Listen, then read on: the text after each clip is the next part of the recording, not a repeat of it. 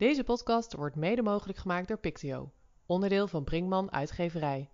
Pictio ontwikkelt lesmateriaal voor het voortgezet onderwijs en het mbo. Dit lesmateriaal wordt digitaal aangeboden en is praktisch van insteek. Voor meer informatie www.pictio.nl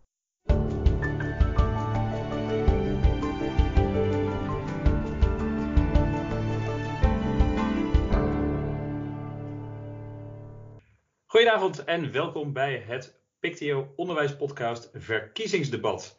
Over twee maanden, nog 65 of 64 dagen, dan zijn de verkiezingen. En we hebben vanavond een uh, mooi onderwijsdebat georganiseerd dat we uiteindelijk in vier podcasts gaan gieten. Mijn naam is Wim Pelgrim, in het dagelijks leven docent Nederlands op een voortgezet onderwijsschool in Helmond en daarnaast actief bij het project Blockchange. En ik ben de wederhelft, uh, nou ja, hè, wat betreft de podcast nou, nou, nou, van uh, Wim. Wij maken hem uh, samen. Ik ben uh, hoofd ICT van uh, twee schoolbesturen in Noord-Holland, ronduit in Isop.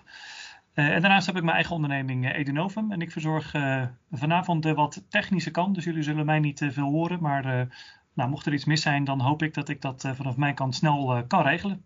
Ja, en ik zal mij met de wat meer inhoudelijke kant bemoeien en de debatten en gesprekken gaan leiden. We hebben tien partijen, tien debatten, uh, tien interviews en dat worden uiteindelijk vier afleveringen voor elke onderwijssector eentje. En de grote vraag is natuurlijk op welke partij willen onze luisteraars straks stemmen op 17 maart. We hebben alle partijen uitgenodigd, alle zittende partijen in de Tweede Kamer en ook uh, zoveel mogelijk van de partijen die nog niet vertegenwoordigd zijn. Uh, uiteindelijk hebben we uit de partijen die nog niet vertegenwoordigd zijn moeten loten, want er waren meer aanmeldingen dan plekken. en u zult vanavond gaan horen welke partijen er aanwezig zijn geweest. En we gaan uh, gelijk van start, want het is een volle avond naar het eerste interview. Hi, uh, mijn naam is Peter Quint. Uh, ik ben inderdaad dus uh, van de SP en ik ben de afgelopen vier jaar Kamerlid geweest. Op het terrein van onderwijs ook al, dus ik hoop er al iets van af te weten na de afgelopen jaren. ik heb een verleden onder andere in de gehandicaptenzorg en als begeleider op een sociale werkplaats. Waar staat de partij in brede zin voor? Wat is jullie visie op de samenleving, op de politiek van de komende jaren? Nou ja, kijk, wat wij willen is een samenleving waarin uh, onze uitgangspunten menselijke waardigheid, gelijkwaardigheid, solidariteit centraal staan. En iets concreter betekent dat een maatschappij waarin niet het grote geld, maar datgene wat wij met z'n allen willen, uh, leidend is. En uh, ja, weet je, dan heb je het bijvoorbeeld over het wegwerken van de marktwerking uit de zorg. Omdat wij geloven dat ziek worden niet iets is waar je rijk van hoeft te worden. Maar als je kijkt naar het onderwijs, dan geldt er eigenlijk hetzelfde voor je ziet daar dat steeds meer partijen rondom het onderwijs heen uh, wel een goede boterham aan verdienen. Uh, maar dat docenten uh, die voor de klas staan een beetje bekaaid achterblijven. Ja, dat willen wij graag veranderen door, door meer te investeren in datgene wat van ons allemaal is. Dus onderwijs, zorg, um, politie, dat soort zaken. Um, en minder uit te geven aan ja, datgene wat voor sommige mensen is in plaats van van ons allemaal. En uh, als je nou uh, één of enkele concrete punten wil uh, noemen die jullie gaan veranderen de komende jaren in het onderwijs, hè? Wat, wat, zijn dan die punten en wie gaat er dan ook direct iets van merken de komende jaren? Nou ja, wat mij betreft, zowel degene aan de voorkant als aan de achterkant van de klas. Dus zowel de docent als de leerling. Kijk, ik hoop heel erg dat het lukt om kleinere klassen te realiseren, omdat ik echt geloof dat dat een, een, een essentiële schakel is voor beter onderwijs omdat een leraar op minder mensen hoeft te letten en omdat een leerling uh, meer aandacht krijgt. Ik denk ook dat het heel erg bijdraagt aan uh, nou ja, het beste weten te maken van het huidige systeem van passend onderwijs. Dat je nu gewoon ziet dat leraren er niet aan toe komen om mee te kijken naar uh, een leerling die net even wat meer aandacht nodig heeft. En daarnaast denk ik dat je vooral uh, de professionele autonomie weer moet herstellen. Weet je, een leraar die de basis is in zijn eigen klaslokaal in plaats van dat hij eerst de verantwoording moet afleggen aan zijn teamleider en daarna aan zijn bestuurder. En daarna aan de bestuurder van de koepel. En daarna aan de inspectie. En daarna aan de Kamer. En nou ja, daarna aan het Europees Parlement. En uiteindelijk mag hij bij de VN verantwoording komen afleggen. Weet je, deze mensen hebben een opleiding gedaan. Dat zijn professionals, die hebben met hart en ziel van het vak gekozen. Natuurlijk mag je af en toe best over de schouder meekijken hoe het gaat. Maar ga er alsjeblieft vanuit dat deze mensen wel een beetje weten wat ze aan het doen zijn. En als het gaat om uh, verandering is één kant. Wat zouden jullie hetzelfde willen houden? Wat moet er vooral niet veranderen de komende jaren? Ja, het, klassensysteem misschien. Um, er is heel erg veel discussie over uh, meer flexibiliseren en individualiseren van de leerweg. Maar ik ben er wel gedurende de tijd steeds meer van overtuigd geraakt dat je kinderen wel vanaf hele jonge leeftijd al panklaar kunt aanbieden wat precies bij hun past. Maar dat je als onderwijs ook een taak hebt om kinderen voor te bereiden op de samenleving. En dan kom je ook niet altijd in een situatie waarin iedereen altijd panklaar precies op jouw niveau iets aanlevert. Dan is soms ook wel eens een keer iets te moeilijk, iets te snel. En dat is een vaardigheid die je wel eens een keer, uh, die moet je aanleren. En daar, is het onderwijs best goed in. En uh, ondanks dat ouders heel vaak zeggen van, nou ja, mijn kind kan misschien een beetje meer van dit of kan niet minder van dat. Ik denk dat het best wel waarde heeft als een kind leert dat sommige mm. dingen net op een andere snelheid gaan als zij. Ja. Paul Vermenen, vader, opa, uh, mijn hele leven in het onderwijs gewerkt en sinds 8,5 jaar lid van de Kamer. En woordvoerder onderwijs en kinderopvang. En uh, waar staat D66 in brede zin voor? Wat is jullie visie op de samenleving en de politiek? Nou, ons motto voor de komende verkiezingen is: uh, laat iedereen vrij, maar niemand vallen. En dat is denk ik een mooie samenvatting van waar, waar een sociaal-liberale partij, daar zijn we de enige in, voor staat. Hè? En ik uh, hou er heel erg van dat mensen in dit land, mijn partij houdt daarvan, eigen keuzes kunnen maken. Dat ze kunnen, zelf kunnen bepalen van wie ze houden dat ze zich kunnen ontwikkelen, dat ze uh, hun eigen pad in het leven kunnen kiezen. Maar tegelijkertijd realiseer ik me ook, ook, ook vanuit mijn eigen leven, vanuit mijn eigen ervaring, dat dat niet iedereen gegeven is. En dat we mensen ook moeten steunen waar dat nodig is. Het CDA is er vanavond geloof ik niet bij, maar ik pak dan toch even graag dat schild van de zwakkeren. Uh, dat ben je ook als samenleving. En uh, dat komt in onze partij heel uh, sterk tot uiting in het feit dat wij onderwijs als eerste prioriteit, een hoogste prioriteit hebben. Dat is de kans voor iedereen om zich te ontwikkelen, om vrij te zijn. Maar tegelijkertijd, en het is al vaker gezegd vanavond, is het ook de kans om iedereen mee te nemen in onze samenleving. En natuurlijk heeft de een daar meer bij nodig dan de ander. daarnaast zijn we natuurlijk nog een Europese partij. We vinden dat sommige, dus een klimaatprobleem, migratie eh, en dergelijke, veiligheid, dat dat zaken zijn die eh, verder gaan dan eh, binnen onze eigen grenzen op te lossen zijn. Dus we zijn ook een internationale partij. Onderwijs is één. Nou, en dan binnen het onderwijs hebben we de eerste vragen daarover in het interview dus elke keer. Wat willen jullie veranderen in de komende jaren en wie gaat daar concreet ook echt iets van merken?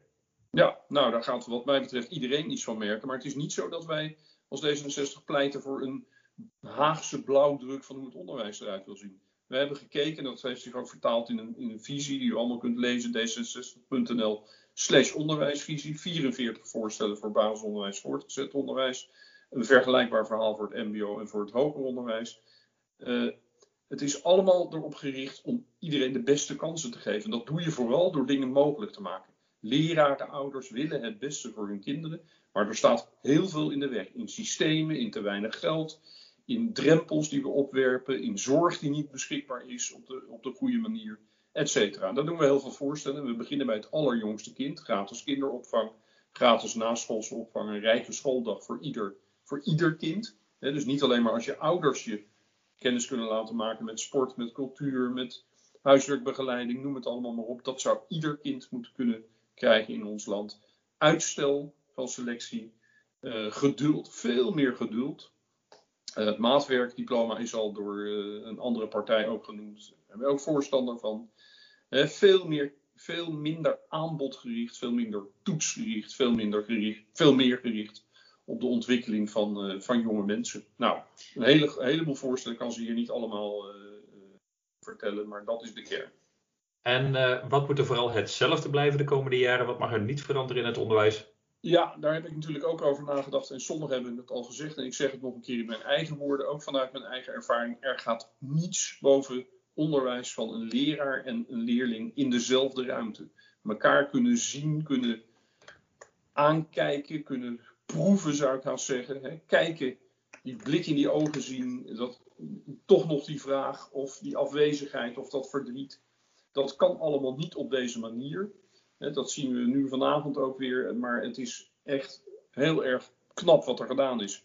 Maar fysiek onderwijs, bij elkaar, in mekaars nabijheid, dat is wat we vooral moeten houden. En niet meegaan in de gedachten die sommigen hebben van jongens, wat is dat corona geweldig. Die, heeft ons, die brengt ons versneld naar een toekomst van digitaal onderwijs. Dat lijkt mij verschrikkelijk. We zijn inmiddels in het derde blok van de avond aangekomen, in het blok voortgezet onderwijs. We gaan weer een aantal debatten doen. De debatten duren weer tussen de 8 en 10 minuten.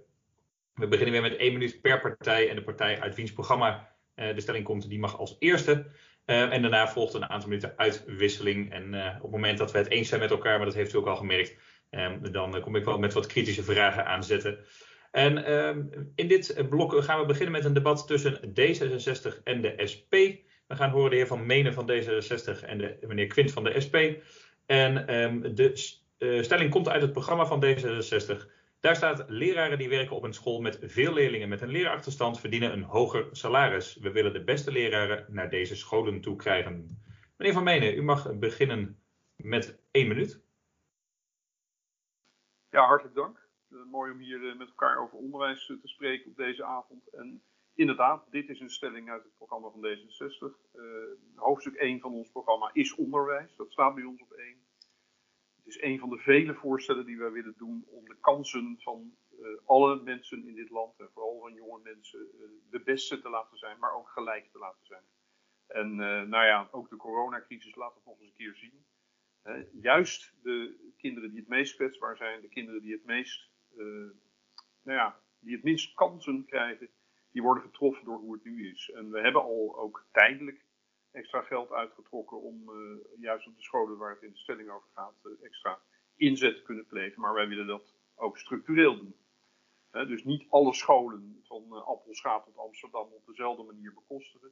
Maar aandacht hebben voor nou ja, ook de uitdagingen die er zijn scholen waar, eh, ja, waar kinderen veel meer nodig hebben dan eh, sommige andere kinderen. Daar hebben we nog veel meer voorstellen voor, overigens, maar eh, daar komen we zo wellicht nog op. Ga ik even naar meneer, van, naar meneer Quint om te reageren. Eén minuutje op deze stelling. Ja, kijk, ik ben het er volkomen mee eens dat je geld moet uitgeven waar het het best ja, nodig is. We hebben het er net tijdens het rondje over het primaire onderwijs al over gehad. Ik vind het een heel erg goed idee, de SP vindt het een heel erg goed idee om uh, extra geld uit te trekken voor uh, scholen juist waar uh, leerlingen met meer achterstand zitten. volgens mij zit daar het verschil met D66 ook niet. Sterker nog, de, de, meeste initiatieven van D66 die ik de afgelopen kabinetsperiode heb gehoord, vond ik hele goede initiatieven. Mijn, mijn, mijn bezwaar zit zich meer in wat er echt gebeurd is de afgelopen jaren. En dat is zeker op het gebied van voortgezet onderwijs heel erg weinig. Je ziet dat het leraren uh, tekort zich ontwikkeld heeft. Uh, je, je, je, ziet dat de klassen groter geworden zijn. En dat, ja, dat vind ik een pijnlijke um, ja, e-, eindconclusie om onder de streep te trekken. Maar ik ben het er helemaal mee eens dat als er extra geld komt, dat je dat eerst uitgeeft op de plekken waar het hard nodig is. Meneer Van Meenet, uh, ik hoor een reactie, positieve reactie op de stelling, maar uh, ook wel wat kritiek zo links en rechts in de minuut van meneer Quinn. Tussen de regels. Zo ken ik je vriend en daar hou ik ook van, dat we er een beetje peper in gooien. Kijk, het had natuurlijk enorm geholpen als partijen als uh, de SP, maar ook GroenLinks, mee hadden gedaan in dit kabinet. Want inderdaad is het zo dat als het gaat om, om de bereidheid om te investeren in onderwijs, de bereidheid om de beste kansen te geven, dan zijn zij onze partners. Uh, en dat hebben we ook met regelmaat geprobeerd zo te laten zijn. Maar uh, er zijn natuurlijk ook uh, partijen, dat geldt eigenlijk voor alle andere partijen, die niet onderwijs als eerste keuze hebben. Geldt ook voor de partij van de heer Quint. Als het er echt op aankomt en er zal in de toekomst ook geld verdeeld moeten worden, dan moet ik nog maar even zien dat het naar onderwijs gaat. Want zorg is daar nummer één. Ook zeer belangrijk, vinden wij ook. Maar ja, politiek is nu eenmaal keuzes maken. Wij hadden 4 miljard, ook veel voor, uh, voor het voortgezet onderwijs staan. Bijvoorbeeld de verlaging van het aantal lesuren voor elke leraar in het voortgezet onderwijs naar 20 uur. We hebben het niet gered in de onderhandelingen. We hebben maar 2 miljard kunnen doen. Iets minder dan 2 miljard. Ja, dan moet je keuzes maken. En onze prioriteit in de, in de formatie heeft uh, gelegen bij het uh, basisonderwijs. Daar hebben we uh, een miljard voor uh, extra kunnen krijgen. Dat gaat, naar, gaat over salaris, dat gaat over uh, verlaging van de werkdruk en nog een aantal maatregelen. Dus ja, keuzes maken. Het is niet anders. Meneer Quint, wilt u daar nog op reageren of zal ik er een vraag in gooien? Nee, graag zelfs. Ja, weet je, um, D66 heeft een soort neiging uh, om te doen alsof meeregeren uh, een soort van door God gegeven juk is, weet je wel. Iets wat je op je schouders meelast.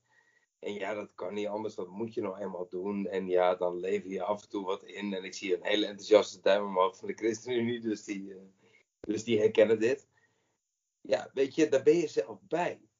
En op het moment dat jij het niet genoeg vindt, dan moet je een streep trekken. En wat ik constateer is dat D66 al vier jaar lang loopt te klagen dat uh, wij en GroenLinks en D66, uh, dat, dat GroenLinks niet meedoet, dat wij niet mee hebben gedaan, dat ze anders zoveel meer hadden kunnen doen. Ja, vriend, dat had je je moeten bedenken voordat je jezelf vastklinkt aan de VVD. En op het moment dat je dat doet, ja, als je dat doet, dan krijg je deze uitkomst. Ik, uh, ga, ik, ga je, ik ga je toch even tussendoor vallen, want voordat we. Het is misschien maar goed dat we dit op afstand organiseren, anders hadden we nu een soort van kapitoolachtige situatie gehad. Maar ik ga nu toch echt even terug naar de stelling. Um, want de, de, stelling was: leraren die werken op een school met veel leerlingen met een leraarstand verdienen een hoger salaris. Um, ik, zie, ik, zie al twee, ik, zie al, ik, ik zie twee problemen. Um, ten eerste, hoe ga je bepalen hè, welke scholen leerlingen met een leerachterstand hebben? Want dan voel ik de kleuter-cito-toets al bijna weer uh, opborrelen. En uh, een hoger salaris. Ja, ik weet ook hoe dat in scholen uh, gaat, want ik werk er zelf ook. Als er eentje een salarisschaaltje omhoog gaat, zijn de andere vier in de sectie gelijk boos dat zij het niet hebben gekregen. Dus hoe gaan we dat praktisch in het vat gieten, meneer Vermenen? Nou, kijk, we weten al heel goed waar de leerlingen zitten die een, die een achterstand hebben, op welk vlak dan ook. Want we geven al extra geld aan scholen. Alleen dat geld is niet voor leraren op, op dit moment. Dat geld is om uh, te besteden aan leerlingen. Om ze extra uren te geven, et cetera. Goed besteed geld. Maar het kan nog meer. Het is niet genoeg. want je ziet nu ook het lerarentekort. Hè, heel hardnekkig probleem. Maar dat is het grootste op deze scholen. Dus we weten precies over welke scholen het gaat. En overigens gaat de, die extra beloning voor leraren die op die school werken, die gaat naar al die leraren op die school. niet de een wel en de ander niet. Nee, allemaal. En ja, ik, ik wil echt heel erg graag dat, uh, dat leraren uh, allerlei uh, ja, incentives krijgen, zal ik maar zeggen, om ook juist op die scholen te werken. Ook de serie klassen, ik weet niet of jullie hem allemaal gezien hebben, maar die laat weer eens zien hoe ongelooflijk belangrijk het is dat deze leerlingen om te beginnen een leraar voor de klas hebben staan. En dan ook nog een leraar die echt de ruimte, de tijd en de gelegenheid heeft om het, uh, om het allerbeste onderwijs uh, te verzorgen. Meneer Quint, een reactie hierop? Ja, nee, weet je, bedoel, je hoorde net, uh, we vliegen elkaar graag in de steeds spaarzamer wordende haren. Maar op dit punt zijn wij het totaal eens. Kijk, je, je moet onderwijsgeld, um, als je helemaal terug gaat naar de kern, onderwijs is een uniek middel om uh, mensen te onttrekken aan ongunstige startomstandigheden. Je kunt zeg maar, de, de, als je in een gezin zit met armoede of met psychische ellende of met allerlei dingen, dan kan onderwijs een perfecte manier zijn om je daaruit te onttrekken. Om jezelf een betere uitgangspositie te verschaffen dan hetgene waar je in geboren bent. Het meest klassieke uh, van een dubbeltje wordt je een kwartje.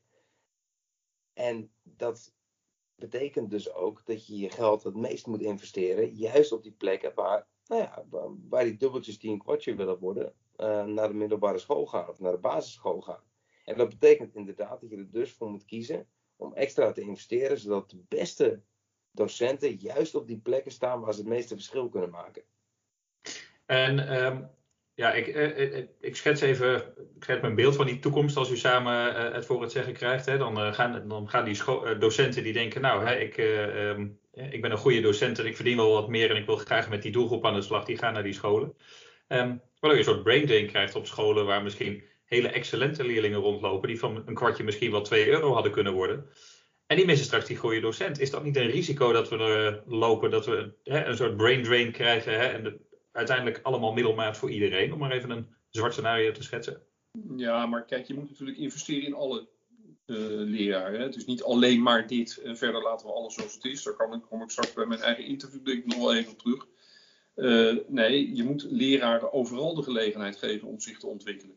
En beter te worden. En ook die salarissen moeten omhoog. Het is al een aantal keer over de salariskloof gegaan. Natuurlijk moet die dicht maar laten we toch wel zijn, het ontkennen van het feit dat er een kansenongelijkheid is, daar moeten we mee stoppen. Volgens mij is dat nu kamerbreed het geval. Nu wordt het tijd dat we meer dan ooit daar ook echt iets aan gaan doen. En, en als het nou eenmaal gaat om de beste kansen voor kinderen, dan speelt die leraar de cruciale rol. Die is alles bepalend.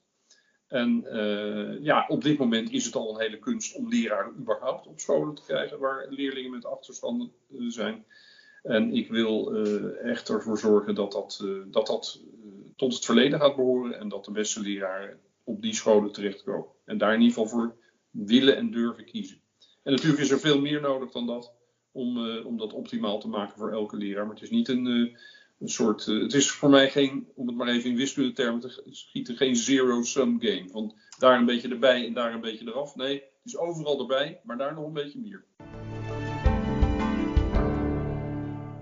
Nou, Ernst Boutkamp dus. Um, ik ben nog geen uh, Kamerlid, want Volt doet voor het eerst pas mee met de nationale verkiezingen in Nederland dit jaar. Um, en ik ben al wel twee jaar actief uh, bij Volt. Uh, ik sta nummer drie op de lijst. 25 jaar, net bezig met het afronden van mijn studie. Um, en als ik moet vertellen waarom ik bij Volt ben gekomen en wat Volt is, dan kan ik in één woord zeggen: het is de Europese partij. Uh, Volt is opgericht na de brexit door een uh, Franse dame uh, en een jongen uit Duitsland en uit Italië. En die zeiden eigenlijk na de brexit, dit moet anders. We moeten een Europese beweging organiseren die een pro-Europees geluid gaat laten horen. En daar zijn toen heel veel mensen bij aangehaakt. En we hebben toen meegedaan met de Europese verkiezingen. En daar hebben we geprobeerd om in elk land met hetzelfde verkiezingsprogramma mee te doen. En dat is ook gelukt. En we hebben een zetel behaald in het Europese parlement vanuit Duitsland. En daarna zijn we mee gaan doen met een aantal lokale uh, verkiezingen. Bijvoorbeeld in Duitsland hebben we zetels gehaald, in Bulgarije en in Italië. En daar hebben we in gemeenteraden met hetzelfde verkiezingsprogramma als met het Europese parlement um, meegedaan. En vechten we dus voor dezelfde idealen, maar dan om die op lokaal niveau uit te voeren. Ja, en nu en gaan dan, we uh, ga ik... in Nederland. Ja, en dan ga ik naar de, naar de idealen voor het onderwijs. Um, want uh, ook, aan, ook aan u de vraag. Hè, wat, uh, wat wil Volt de komende jaren vooral veranderen in het onderwijs? En wie gaat er wat van merken? En wat zou er vooral hetzelfde moeten blijven? Volt heeft onderwijs zien we natuurlijk als de basis voor onze samenleving. Ik denk dat iedereen het hier wel mee eens is dat goed toegankelijk onderwijs enorm belangrijk is, zodat kinderen zichzelf tot ja, de beste zelf kunnen ontwikkelen. Maar we zien ook dat daar veel hobbels zijn tegenwoordig. Um, het allerinteressantste wat ik zelf heb gezien uh, was uit ons partijprogramma was bijvoorbeeld dat in Zweden worden er al social media lessen gegeven rondom wat fake nieuws is en wat echt nieuws is. Uh, dat, dat is een heel interessant iets wat we in Nederland zo snel mogelijk willen realiseren. Maar ook de standaard dingen zoals een goede schoolmaaltijd op scholen. Uh, meer dan een half miljoen kinderen wonen onder de armoedegrens in Nederland. En als jij geen goede maaltijd op een dag binnenkrijgt, dan kan je ook niet goed studeren. Het zijn ook de kleine dingen zoals zorgen dat er een goede uh, studieruimte is op school voor kinderen die thuis niet de mogelijkheid hebben om rustig te kunnen studeren. Dat ze ook na schooltijd daar aan de slag kunnen. En natuurlijk dat uh, leraren de mogelijkheid krijgen om ook wat vrijer te zijn in het samen met die kinderen uh, dat kind zo goed mogelijk te ontwikkelen. Dus later pas de cruciale keuze maken op welk niveau een kind terechtkomt. En wij hebben dat gezet op 14 jaar in de tweede klas. Um, nou, dat is de, de, middelbaar en de basisschool. En dan voor het hoger onderwijs willen wij uh, ook kijken naar dat Erasmus-project. Dat doet, heel veel voor studenten. Maar kunnen we dat nou ook voor bijvoorbeeld andere onderwijsvormen inzetten? Voor het MBO uh, of, of, voor het HBO makkelijker. Want we zien dat het nu alleen op de universiteit eigenlijk heel toegankelijk. Dat, dat soort zaken proberen we dan ook Europees meteen voor te geven. En wat moet er vooral hetzelfde blijven de komende jaren in het onderwijs? Nou, ik ging het even opzoeken en er zijn dus een kwart miljoen uh, docenten in Nederland, of mensen die werken in het onderwijs. En uh, ja, ik had een hele positieve schooltijd de afgelopen 25 jaar. En die mensen hebben zich echt keihard ook voor mij ingezet. Uh, ik heb nogal last van dyslexie en daar is altijd heel fijn mee gewerkt. Dus vooral die positieve insteek op scholen, die zou ik graag blijven zien. Maar verder dus voelt nogal progressief en voor verandering. Dus we hebben vooral dingen die we willen veranderen erin staan. Oké.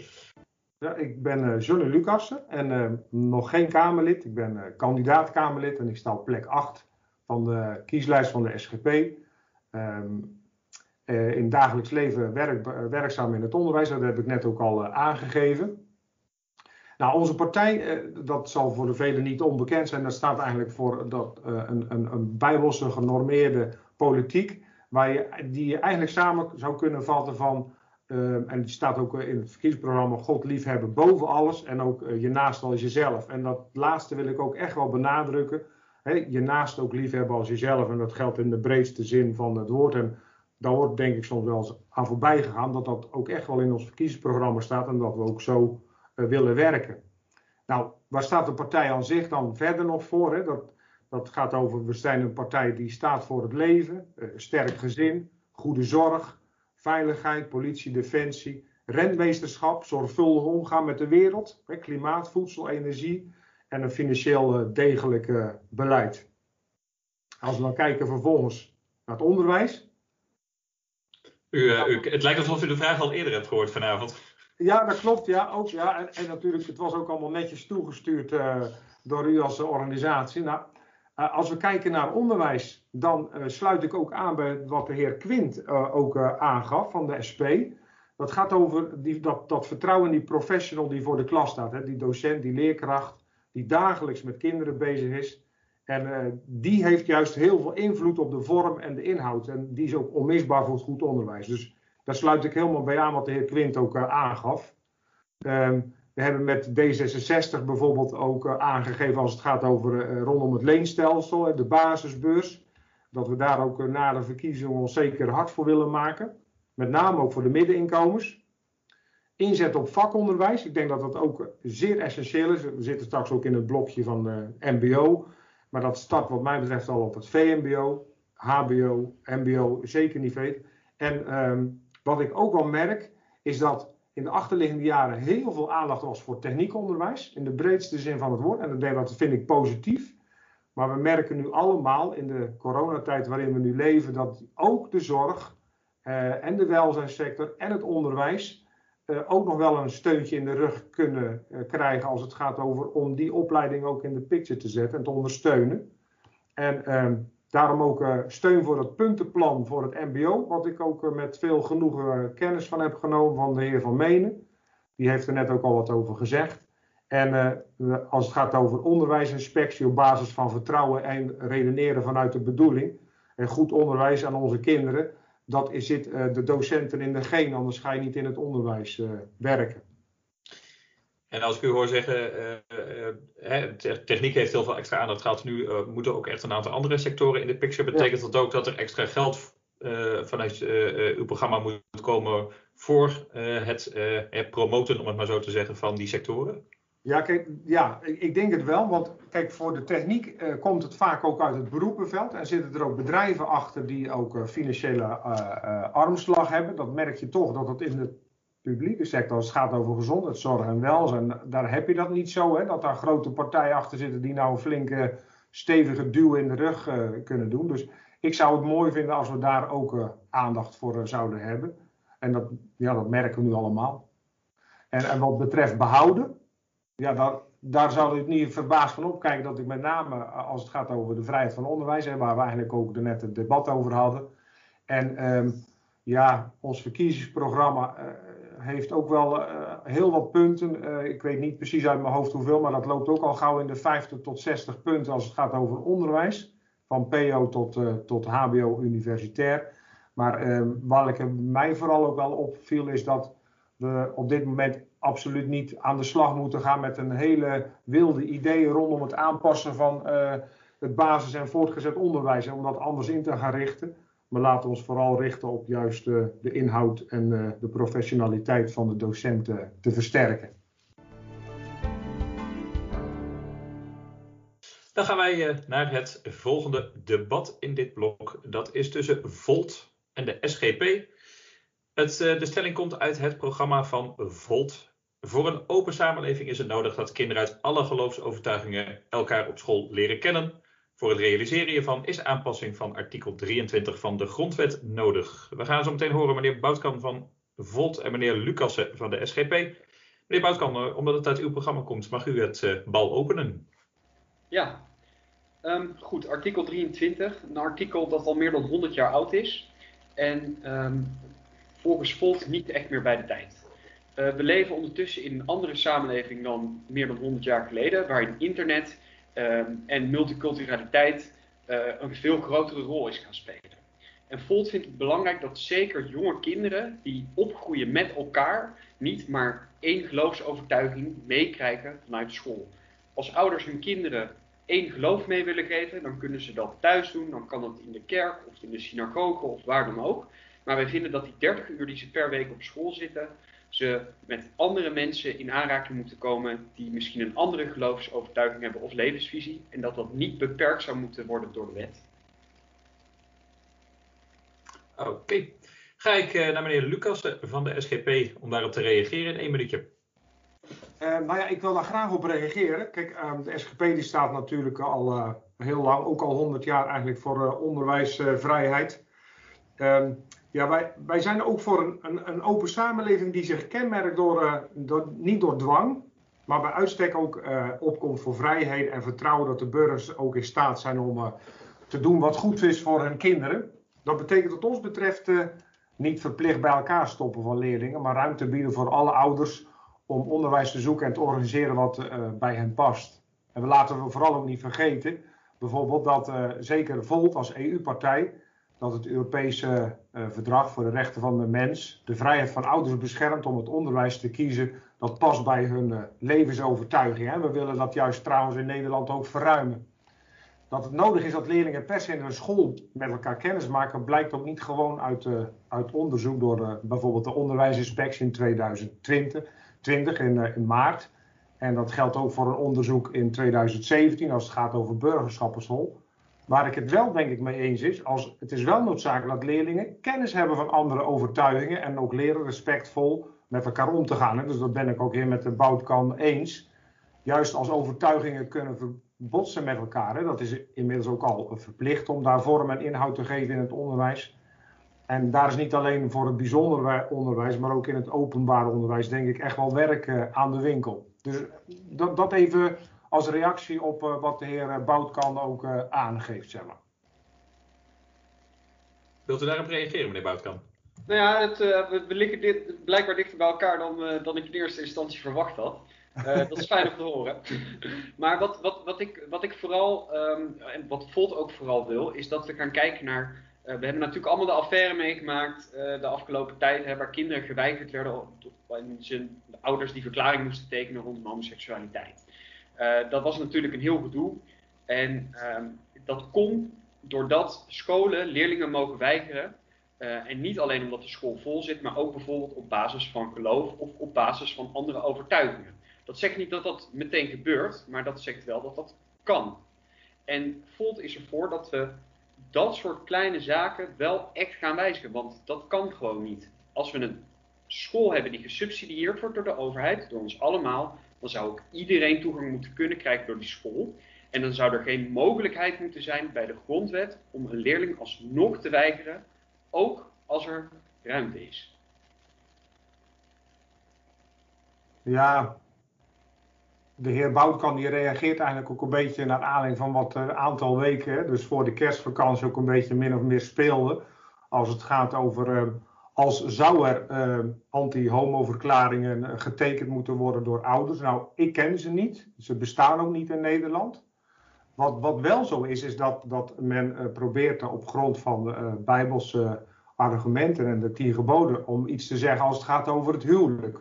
Maar als het praat over het onderwerp rondom homoseksualiteit, dan denk ik van dat het goed is dat niet op basis van algemeenheden, maar denk ik vooral op basis van uh, zijn we bereid om naar elkaar te luisteren en het gesprek met elkaar aan te gaan. En waar gaat het over? Als ik kijk hoe wij in ons dagelijks werk, bijvoorbeeld op de plek waar ik werk, maar ook in de ervaring die ik in de achterliggende 20 jaar in het reformatorisch christelijk onderwijs heb, is dat we juist heel veel tijd en aandacht en energie stoppen in juist die thema's waar uh, de heer Boutkan nu ook bijvoorbeeld aandacht voor gaat. Als het gaat over seksuele diversiteit, als ik zie hoe wij daar vorm aan geven, dan kan een menig openbare school daar misschien best nog wel een, een, eh, een, puntje aan zuigen. Zeg maar. Dus ik, ik, ik, ik snap wel wat de heer Boutkan aangeeft. Maar wij kijken er vanuit onze overtuiging echt heel anders tegenaan. Als, ik zie hoe wij het in de dagelijkse praktijk uh, vorm en inhoud geven aan de opdracht die we eigenlijk hebben. Dus ja, nu lijkt het alsof er uh, toch op basis van een, een soort vorm van demagogie uh, wordt gesproken. In plaats van dat we nou bereid zijn om naar elkaar te luisteren en het gesprek aan te gaan. En te kijken van hoe is het nou echt werkelijk in de praktijk. Dan dat we uh, afgaan op wat men denkt. Nou, dan ga ik even kijken of we het iets concreter kunnen invullen. Want ik, ik, las uw uh, verkiezingsprogramma uh, waar staat, een, is een aanpassing van artikel 23 van de grondwet nodig. Dat is alweer wat anders dan wat je soms ook hoort, het afschaffen van artikel 23. Ehm, welke aanpassingen stelt u voor? Zijn, kunt u dat concreter invullen voor ons? Nou, wat Volde eigenlijk zegt is dat op het moment dat er een school wordt ingericht aan de hand van één levensovertuiging, en die mogelijkheid is er nu met artikel 23, doordat je dus zou kunnen weigeren om leerlingen met een andere levensovertuiging niet, of je laat ze dan niet toe op die school, dat stukje willen wij eigenlijk uit uh, artikel 23 halen. Dus dat we zeggen, het kan niet zo zijn dat een school maar van op één levensovertuiging of geloof wordt opgericht. En dat je dan ook nog eens leerlingen kan weigeren op het moment dat ze die overtuiging dus niet vanuit huis meekrijgen. Dat is het stuk wat Volt wil veranderen.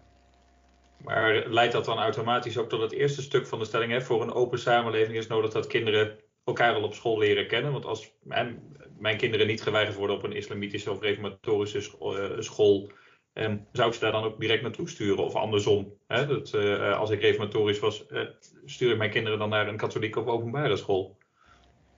Nou ja, we willen natuurlijk niet uh, ouders dwingen om hun kinderen zomaar naar een bepaalde school te sturen. Dat is ook helemaal niet wat Volt wil. Maar wij willen wel dat de mogelijkheid om dus die kinderen te weigeren op het moment dat een school dat wil, gewoon niet meer in de grondwet staat.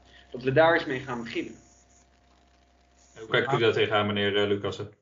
Nou ja, nou, ja ik, ik, wil vragen, wat, voor probleem zijn er nu eigenlijk problemen waar de heer Boutkan dan tegenaan loopt of van hoort? Want volgens mij kan juist en dat is een groot goed in Nederland, juist iedereen kiezen van wat hij graag wil. En uh, als je die ruimte biedt, hè, de grootste gedeelte is bijzonder onderwijs in Nederland. Dus ik, ik, zie, ik merk ook geen problemen, zeg maar. Het is ook niet dat bijvoorbeeld eh, in de achterliggende 20 jaar ik bijvoorbeeld um, honderden gesprekken heb gevoerd en vervolgens honderden leerlingen en studenten heb af moeten wijzen. Dat is in de praktijk in het geheel niet het geval. Dus, dus wij staan voor onderwijsvrijheid en ik denk dat dat een groot goed is. Dat, we hebben ook een hele bijzondere uh, situatie ten opzichte van andere landen. Je zou het de Dutch Way kunnen noemen bijvoorbeeld. Waar bijvoorbeeld juist ook vanuit andere landen, met name Engeland, maar uh, zo kan je breder kijken, ook wel naar gekeken wordt en zegt van ja, eigenlijk helemaal zo gek nog niet. We zouden het juist eerder moeten vermarkten hoe wij het in Nederland uh, geregeld hebben. Dus misschien zou meneer Boutkan juist de Dutch Way mee kunnen nemen in het overleg met uh, zijn Europese bondgenoten als het gaat over Volt en zeggen van helemaal niet zo gek zo dat bijzonder onderwijs en die vrijheid van onderwijs en om dat ook op gelijke basis te financieren. Meneer Boutkamp, eh, gaat u uh, uh, met dit verhaal de boer op om hier maar even mee af te sluiten? Nou, ik kan het altijd op de Europese ALV voorstellen. En dan zullen we zien hoe de rest van de Europese landen reageren. dat, dat staan we natuurlijk altijd open voor. nou, dan uh, spreken jullie elkaar misschien nog na dit debat. Ik uh, rond hem hier af. Ja, ik ben Eppo Bruins, ik ben 51 jaar. Ik woon op de Veluwe, getrouwd, twee volwassen kinderen.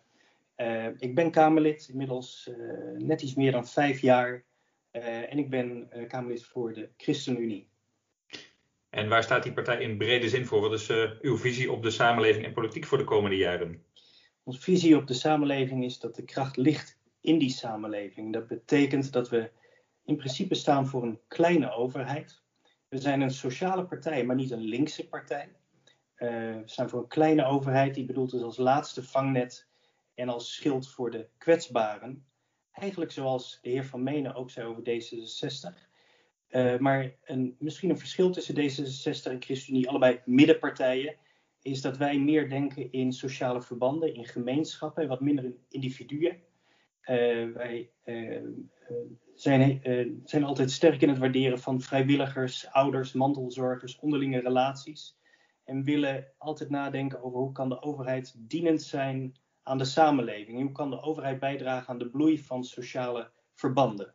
En dat is die sociale verbanden met het gezin als kleinste verband, maar ook gemeenschappen, eh, onderling gelijkgestemden. Dat is, uh, dat is hoe wij naar de samenleving kijken. Um, en voor het onderwijs wilt u dan waarschijnlijk mm -hmm. specifiek weten? Zeker. ja, nou dan is het denk ik ook in het licht van de discussie zo net uh, van belang om te, uh, te realiseren dat wij de overheid nooit als neutraal zien. De overheid kan nooit neutraal zijn en kan dus nooit een voorkeursvisie of ideologie aan de samenleving opleggen. Aan de, je mag nooit als overheid een uh, voorkeursvisie aan de burger uh, opleggen. En de, de, overheid heeft als, als hoogste taak om de vrijheden van iedere burger te borgen. en iedere burger is voor, voor de wet gelijk. En daar, dat spitst zich voor ons dus ook toe op de vrijheid voor alle ouders om een school te kiezen voor hun kind dat past bij de opvoeding. De school is voor ons bij uitstek een, um, een verlengstuk van de opvoeding. Uh, dus je mag altijd een school kiezen die past bij die opvoeding. Uh, en zo nodig ook een, een, school zelf oprichten. Dus een van de fundamentele vrijheden voor de ontplooiing en vorming van kinderen is die onderwijsvrijheid. Die voortkomt uit de gedachte dat een overheid ten diepste zelf nooit neutraal kan zijn. En ja, wat, wat, merk ik daar concreet van? Hè? Want ik probeer het altijd een beetje concreet te maken in dit uh, blokje. Ja, voor onderwijs betekent dat dus dat wij pal staan voor artikel 23 en voor de gedachte dat ouders uh, zelf een school kunnen oprichten die past bij de opvoeding van hun kinderen.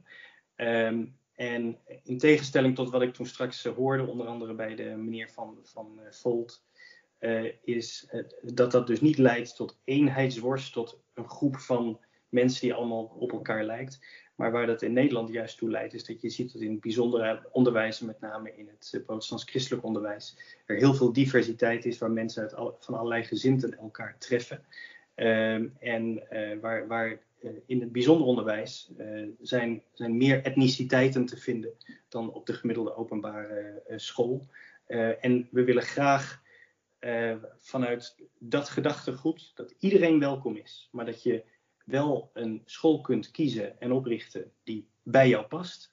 Van daaruit willen we graag de, uh, de vrijheid van onderwijs behouden, die, die opkomt van onderaf, vanuit de samenleving, en niet van bovenaf, vanuit de overheid, die denkt dat ze neutraal is, maar het in werkelijkheid nooit is. Ja, bij deze goede avond nogmaals. Mijn naam is Derro Landbrug. Ik ben inmiddels 35 jaar, kom uit Amsterdam. Ik ben nog geen Kamerlid, want bij één heeft nog nooit in de Kamer gezeten. Maar ik sta wel op de lijst, op nummer 5. Ik ben daarnaast, geef ik les op de Hogeschool van Amsterdam, dat is HBO. Dat is uh, nu mijn derde jaar. Daarnaast ben ik jongerenwerker. Ik werk veel met jongeren die in het zogeheten sociaal-economisch lage niveau uh, fungeren. En ik geef daarnaast ook met collega's in het jongerenwerk geven bij huiswerkbegeleiding aan groep 7 en 8 in de eerste klas, geheel gratis na school. En um, bij één, waar staat die partij in brede zin voor? Wat is jullie visie op de samenleving en de politiek? Ja, dat is een goede vraag, denk ik. Bijeen staat voor een radicaal en gelijkwaardige samenleving waar dus mensen eerst voorop worden gesteld. En dat is natuurlijk iets wat we veelal bij heel veel partijen gelukkig terug horen. Maar wat wij vooral vinden is dat, dat we zien is dat de overheid momenteel veel keuzes maakt die multinationals ten goede komen. En niet zozeer de hardwerkende mensen hier.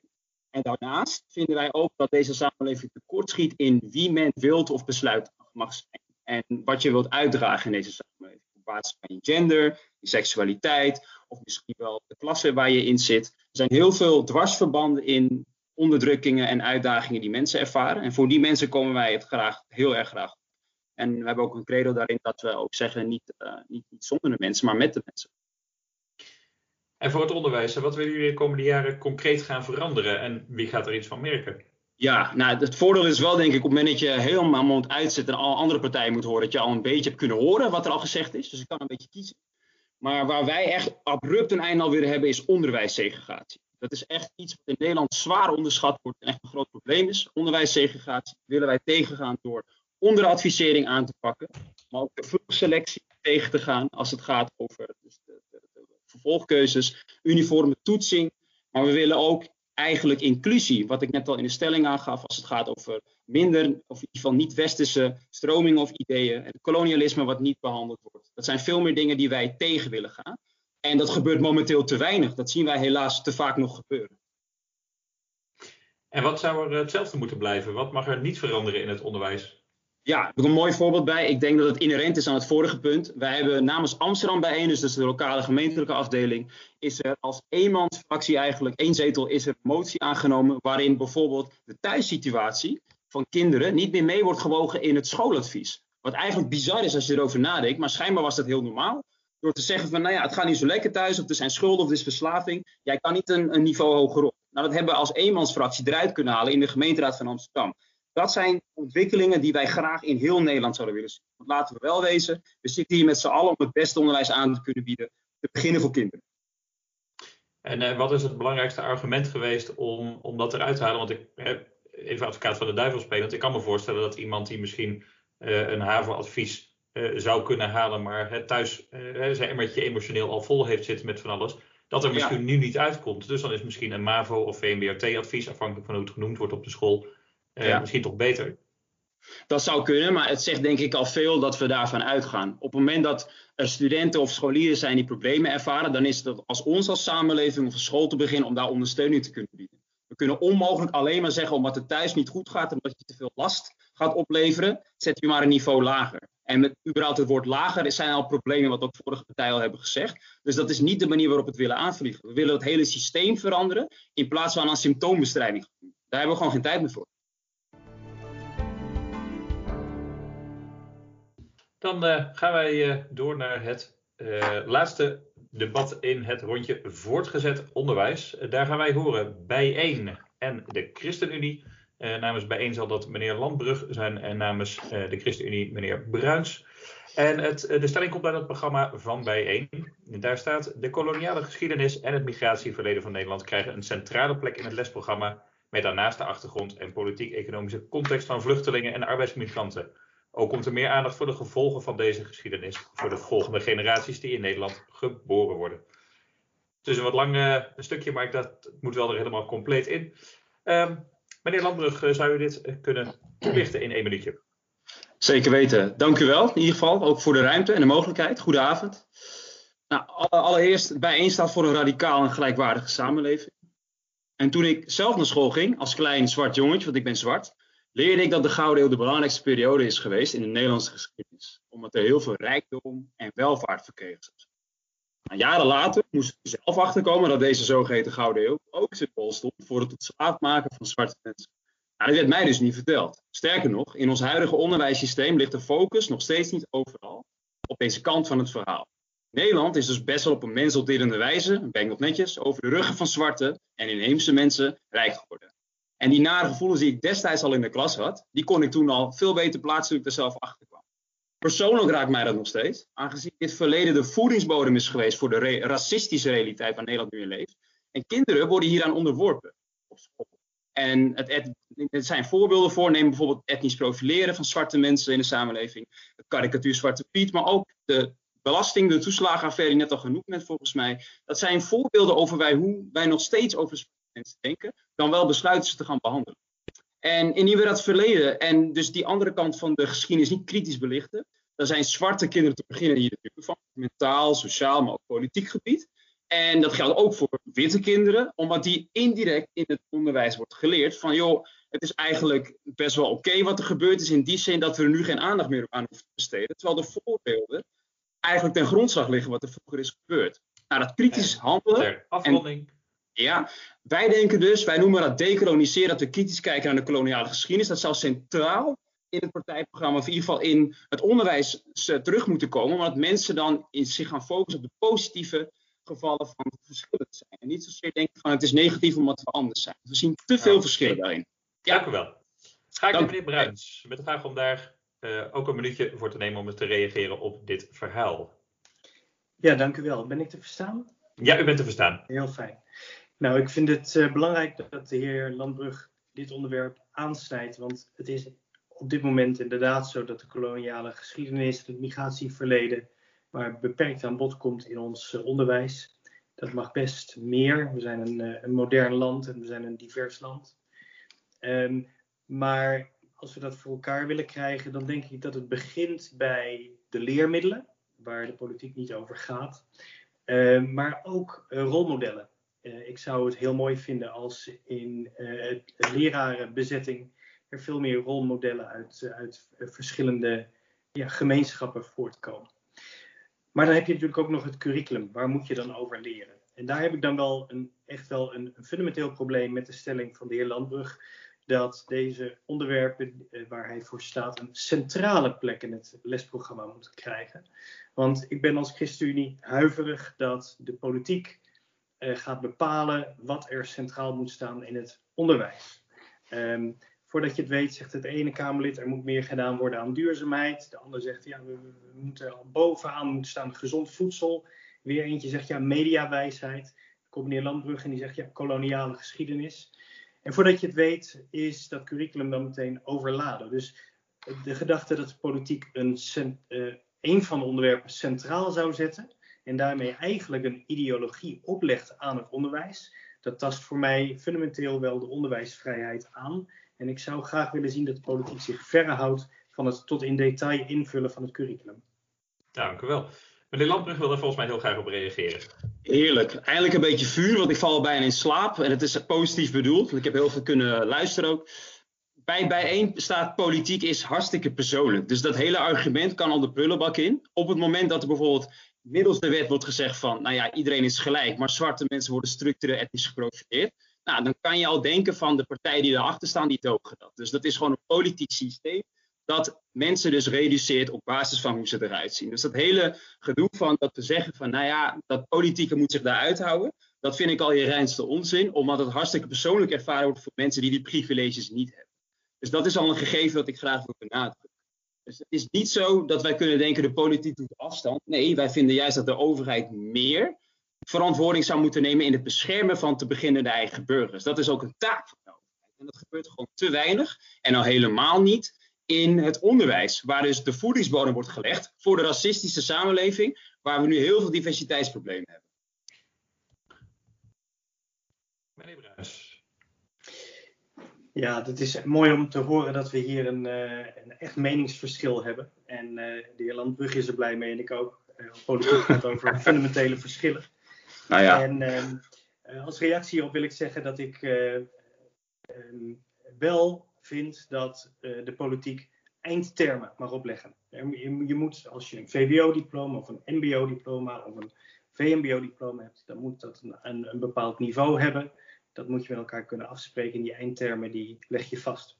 Maar hoe je daar komt en hoe je lesgeeft en hoe je dat invult, daarvan zegt de heer Landbrug precies, dat is heel persoonlijk. En ik weet dat de heer Landbrug zelf uh, gastdocent is. Hij geeft les. En ik vind het fantastisch als hij een persoonlijke uh, smaak geeft aan zijn lessen. Dat hij dat vanuit zijn beeld uh, inkleurt en vertelt aan de, aan de studenten. Zo hoop ik dat iedere docent met passie, vanuit zijn eigen passie, vanuit zijn eigen ervaringen vertelt en leerlingen motiveert.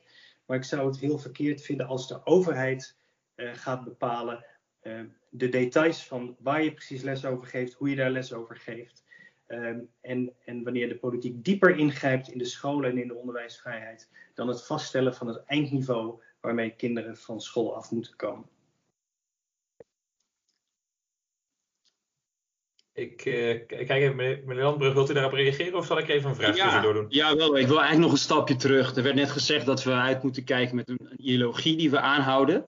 En waar het niet dat dit onderwerp juist gaat over de christelijke ideologie die ervoor heeft gezorgd, wederom dat het een voedingsbodem is geweest om mensen tot, slaaf, mensen tot slaaf te kunnen maken. Zwarte mensen die nu nog in het onderwijs al als kind zijnde met een minderwaardigheidscomplex rondlopen. En ook eigenlijk niet weten wat ze precies moeten, omdat het onderwijs inderdaad in de comments, zoals gezegd, niet genoeg wordt gedecoloniseerd. Dus we kunnen hier eindeloos over praten, maar het, heeft wel, het staat ten grondslag aan de oneenigheid die we al in de klas vinden. En dat wordt gereproduceerd in onze samenleving. Dus wij vinden wel degelijk, ook met de migratiegeschiedenis, omdat Nederland zo multicultureel inmiddels is en zo divers is, dat daar centraal aandacht aan gegeven moet worden. Want Nederland is niet meer zo homogeen als vroeger. In die zin dus dat er meerdere diverse mensen en groeperingen nu in Nederland leven. Ik, uh, goed, uh, meneer Pelgrim, om daar nog even één keer op te reageren. Omdat er wordt uh, gesuggereerd dat het christendom ten basis zou liggen aan de slavernij. Slavernij komt wereldwijd in alle culturen voor. En het christendom heeft ervoor gezorgd dat slavernij is afgeschaft. Jezus heeft, Jezus heeft gezegd dat de slaaf gelijk is aan de vrije. En de Jood gelijk is aan de Griek en de man gelijk is aan de vrouw. En de gelijkheid die we hebben in het Westen is uh, een van de vruchten van uh, eeuwenlang christendom. Wat ik wel erken, natuurlijk, is dat de slavernij zoals we die in het Westen hebben gekend, uh, door christenen is uitgevoerd. En dat is verfoeilijk. En dat mag niet. Maar dat is in alle werelddelen gebeurd. En in een heleboel werelddelen gebeurt het nog steeds. Maar het christendom staat ten diepste voor gelijkheid en vrijheid voor ieder individu. En dat zijn de westerse waarden zoals we die in Europa uh, ook nog eens, dankzij de verlichting en het humanisme, samen met het christendom hebben ontwikkeld. Is er nog ruimte voor een reactie? Ja, of? er is nog ruimte voor een reactie. Dan ga ik ja? je nu nog even een vraag stellen. Heel goed hoor. Nee, ik, ik, begrijp heel goed dat er positieve kanten aan het christendom kunnen zitten. Sterker nog, ik heb in mijn familietak ook christelijke familie zitten, dus daar hoor ik ook. Maar ik wil wel graag benadrukken, ja, mensenhandel komt overal voor en het wordt ook in het onderwijs belicht. Maar de manier waarop dat gedaan is door een rigoureuze extremistische tak in het christendom, dat heeft wel degelijk een problematische houding.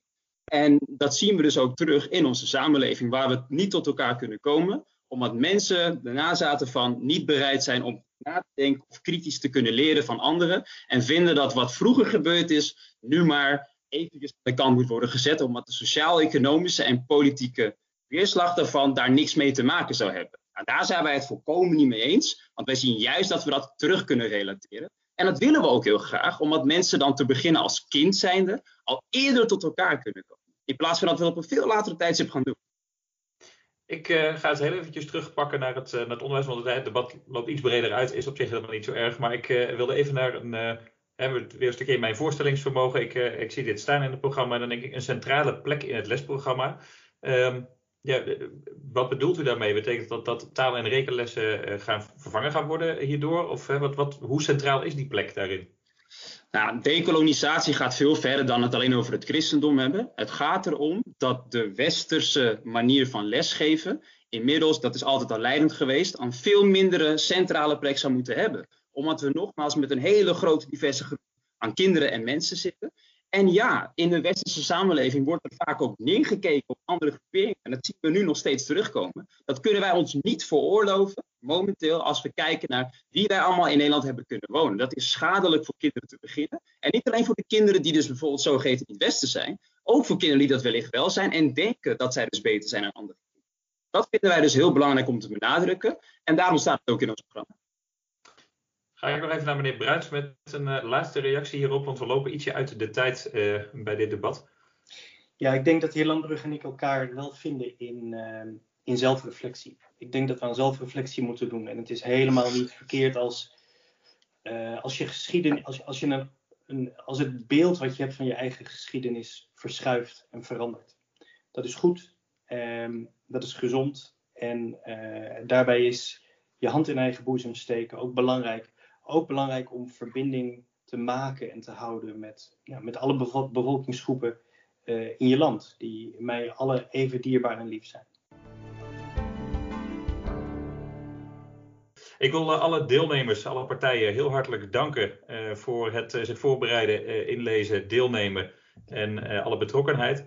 Ik wil uh, Wietse ontzettend bedanken, want hij was misschien niet zo hoor en zichtbaar als ik vanavond, maar zonder hem had ik dit niet gekund. Hartelijk dank daarvoor.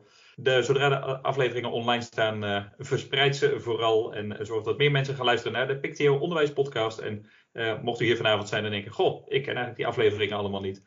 Luister op Spotify, luister op iTunes of op een andere plek waar podcasts te luisteren zijn. Goede verkiezingen alvast aan alle kandidaten en graag tot de volgende keer.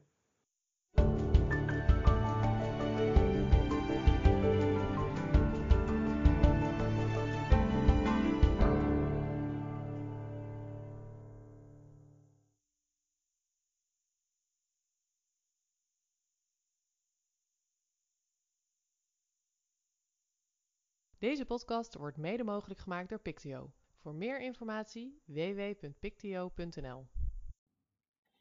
Wil jij de Pictio Onderwijs mogelijk maken? Dat kan. Ga naar www.vriendvandeshow.nl slash pictio-onderwijspodcast en doneer maandelijks een bedrag of eenmalig.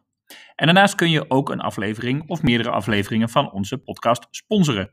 Naast Pictio word jij dan de sponsor van die aflevering en krijg je ruimte voor jouw reclameboodschap. Neem daarvoor contact op met Wim of met Wietse. De contactgegevens vind je in de beschrijving.